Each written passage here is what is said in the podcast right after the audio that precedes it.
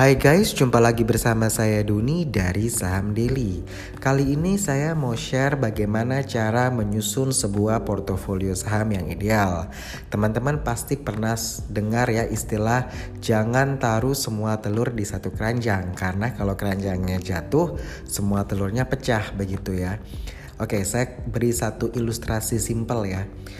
Uh, kalau di tahun 2017 teman-teman masih ingat kala itu ada saham Aisa ya Di mana di tahun itu harga saham Aisa itu berada di level harga 1500an rupiah per lembar saham Sedangkan harga saham Aisa saat ini di tanggal 12 Juli 2019 itu berada di harga 168 rupiah per lembar saham Dengan status masih di suspend oleh Bursa Efek Indonesia ya karena Aisyah ini tidak sanggup membayar kupon obligasinya. Bayangkan apabila ada Bapak A misalkan yang memiliki dana 100 juta dan kesemuanya dana tersebut dibelikan saham Aisyah di harga 1500 di tahun 2017. Nah tentu ketika di tahun 2019 ini Bapak A tersebut akan mengalami kerugian karena semua dananya 100 juta itu hanya dibelikan di satu saham yaitu saham Aisa. Jadi ketika uh, tahun 2017 itu Bapak A ini dia uh, punya reason ya kenapa dia tertarik membeli saham Aisa. Karena saham Aisa ini kan dia menjual beras ya di mana beras ya semua masyarakat Indonesia pasti Eh, membutuhkan beras ya untuk dimasak jadi nasi begitu. Jadi istilahnya kan sebenarnya tepat di mana dia uh, memilih saham yang uh, menjual produk yang memang selalu dibutuhkan masyarakat Indonesia. Tetapi ya kan kesalahannya adalah Bapak ini hanya membeli di satu saham. Jadi uang 100 juta itu kalau teman-teman bisa beli uh, misalkan 5 saham yang berbeda-beda dengan sektor yang berbeda-beda tentu kalau Aisyahnya uh, ambruk ya yang empat saham lainnya masih bertahan begitu kan jadi itulah tadi yang dari awal saya bilang jangan taruh semua telur di satu keranjang begitu jadi memang kebayang ya uh, risiko apabila Anda hanya melakukan investasi hanya di satu saham saja. Lantas apa yang harus kita lakukan? Diversifikasi. Jadi membeli saham uh, beberapa saham ya, tapi jangan juga terlalu banyak. Kalau teman-teman perhatikan saat ini di bursa saham Indonesia ya di bursa efek itu ada sekitar 650-an saham. Ya. Lalu apakah kita harus membeli 10 sampai 50 saham? Ya kan, dengan tujuan supaya uh, kita bisa meminimalisir resiko. Kalau 10 sampai 50 saham terlalu banyak ya begitu bingung untuk manage-nya untuk ngikutin ya begitu apalagi untuk yang masih newbie ya yang kita bisa lakukan adalah tipe fokus diversifikasi. Jadi kita hanya memilih beberapa saham yang sudah lolos dari screening kita. Jadi kan kita selalu ada proses screening ya, screening saham. Jadi teman-teman bisa dengar podcast uh, saham dili ya. Di awal-awal itu uh, saya sempat jelasin mengenai uh, screening saham ya. Jadi kalau kita melakukan screening saham awal-awal ya base dari uh, fundamental analisa begitu ya. Kita kalau teman-teman mau pakai istilahnya value investing atau growth investing ya terserah lah ya uh, mau pakai met, uh, aliran yang mana begitu. Yang penting bahwa ketika teman-teman melakukan analisa tersebut sudah memperhitungkan risk dan rewardnya begitu ya. Uh, lalu idealnya berapa sih yang saham yang ada di portofolio kita? Biasanya sih kita cuma di 1 hingga 10 saham, range-nya hingga 10 saham saja begitu ya. Sedangkan untuk para newbie yang masih baru mau trading atau investasi di saham ya yang masih uh, satu bulan, dua bulan begitu, kalau bisa sih uh, jangan terlalu banyak ya, mungkin maksimal 5 saham saja.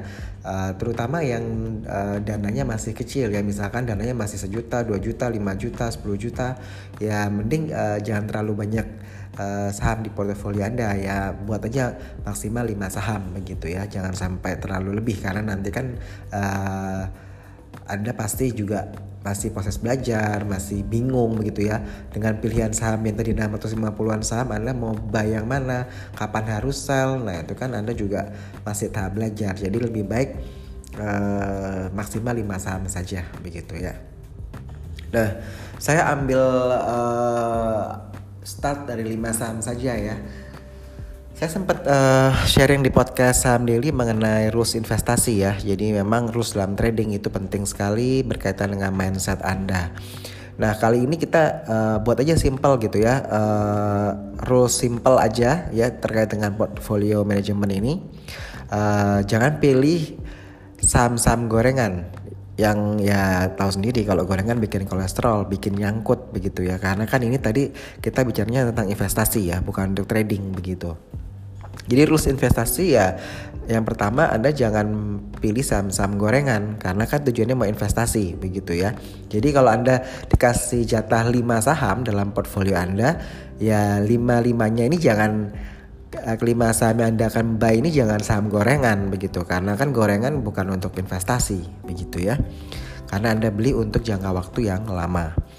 Lalu mungkin rules yang kedua yang simple adalah jangan pilih 5 saham yang semuanya di sektor yang sama.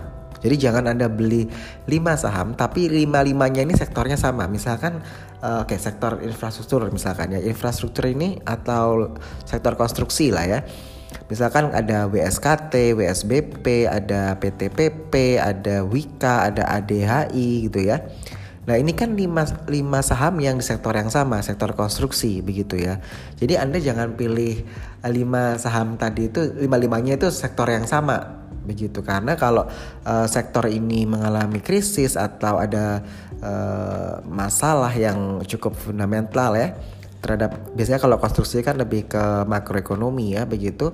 Nah Anda lima lima saham ini kalau sektor itu krisis ya Anda harga sahamnya jatuh Anda sama seperti tadi Aisyah tadi. Walaupun Anda punya 5 saham tapi karena sektornya sama ya ambruk ya ambruk semua merah semua saham yang Anda hold itu. Jadi pilih sektor yang berbeda-beda. Itu lebih wise ya, lebih bijaksana. Misalkan ada sektor konstruksi, ada sektor properti, ada sektor banking, ada sektor consumer ya, ada sektor tambang misalkan. Jadi Anda pilih saja dari sektor yang berbeda-beda begitu. Jadi kembali ke tujuan awal kita melakukan diversifikasi di saham adalah untuk meminimalisir risiko. Jadi itulah uh, konsepnya begitu ya. Jadi uh, diversifikasi itu ya berbeda-beda ya sahamnya tapi jangan terlalu banyak juga. Jadi uh, cukup uh, 1 hingga 10 maksimal 10 lah gitu. Kalau masih newbie ya maksimal 5 saham saja begitu. Nah, mengenai Eh, sektor-sektor uh, yang harus dipilih kalau saya tidak salah ingat saya sempat uh, podcast di episode 16 dan 17 ya itu mengenai uh, sektor uh, sektor di saham ya berdasarkan industri dan subindustrinya ya. Teman-teman bisa dengar lagi podcast Saham Daily di Apple Podcast, mau di Spotify, mau di Google Podcast juga bisa ya. Jadi itu saya bagi dua episode episode di episode 16 dan 17 ya. Jadi itu mungkin bisa jadi uh, pertimbangan buat teman-teman untuk memilih saham-saham apa saja begitu ya. Lalu saya juga sempat sharing di podcast Saham Daily episode 43 ya itu mengenai uh, kategori berdasarkan nilai kapitalisasi ya. Jadi ada yang first liner, second liner, third liner ya. Biasanya kalau first liner ini kan lapis satu ini adalah saham-saham blue chip begitu ya. Yang ya nanti teman-teman bisa deng uh, bisa dengar podcastnya. Ya ambil contoh saham-saham blue chip ya misalkan BBCA, TLKM gitu ya. Kalau second liner lapis keduanya ya bisa seperti saham main ya atau BJTM, third liner itu lapis ketiga ya. Anda bisa pilih mungkin IPOL itu ya, IPOL, IPOL ya saham itu. Seperti itu. Jadi nanti bisa di uh, teman-teman dengar ulang aja ya episode 16 17 dan episode 43 ya. Seperti itu. Dan kalau untuk teman-teman yang dengarnya di iPhone, ya dengar podcastnya di aplikasi podcast yang ada di iPhone, Jangan lupa untuk uh, kasih review, kasih rating ya biar teman-teman dari Saham Daily timnya tim di Saham Daily lebih semangat lagi untuk upload uh, materi-materi tentang saham di podcast begitu ya. Jadi kan teman-teman udah tahu ya kalau podcast itu uh, tidak seperti YouTube yang memang dibayar ya dapat bisa bisa dapat duit ya tergantung berapa banyak subscribernya gitu. Tapi kalau di podcast nih memang gratisan. Jadi kita share itu ya nggak dapat apa-apa begitu ya. Tidak ada yang kita peroleh. Jadi saham saham daily nggak dapat apa-apa gitu ya. Cuman memang uh, tujuan awal kita buat podcast adalah untuk sharing knowledge ya berbagi tentang uh, saham itu sendiri sehingga teman-teman terutama yang newbie-newbie bisa banyak belajar melalui mendengarkan siaran podcast kita begitu. Jadi harapannya dengan bantuan teman-teman yang pakai iPhone atau iPad, MacBook uh, yang dengar melalui uh, Apple bisa kasih review, kasih rating sehingga lebih banyak teman-teman yang uh, bisa tahu tentang podcast Sam Daily sehingga mereka bisa belajar lebih banyak atau teman-teman yang uh, sudah dengar podcastnya Sam Daily suka mau sharing baik melalui Apple Podcast, Google Podcast, melalui Spotify bisa sharing via WA ke teman-temannya gitu ya.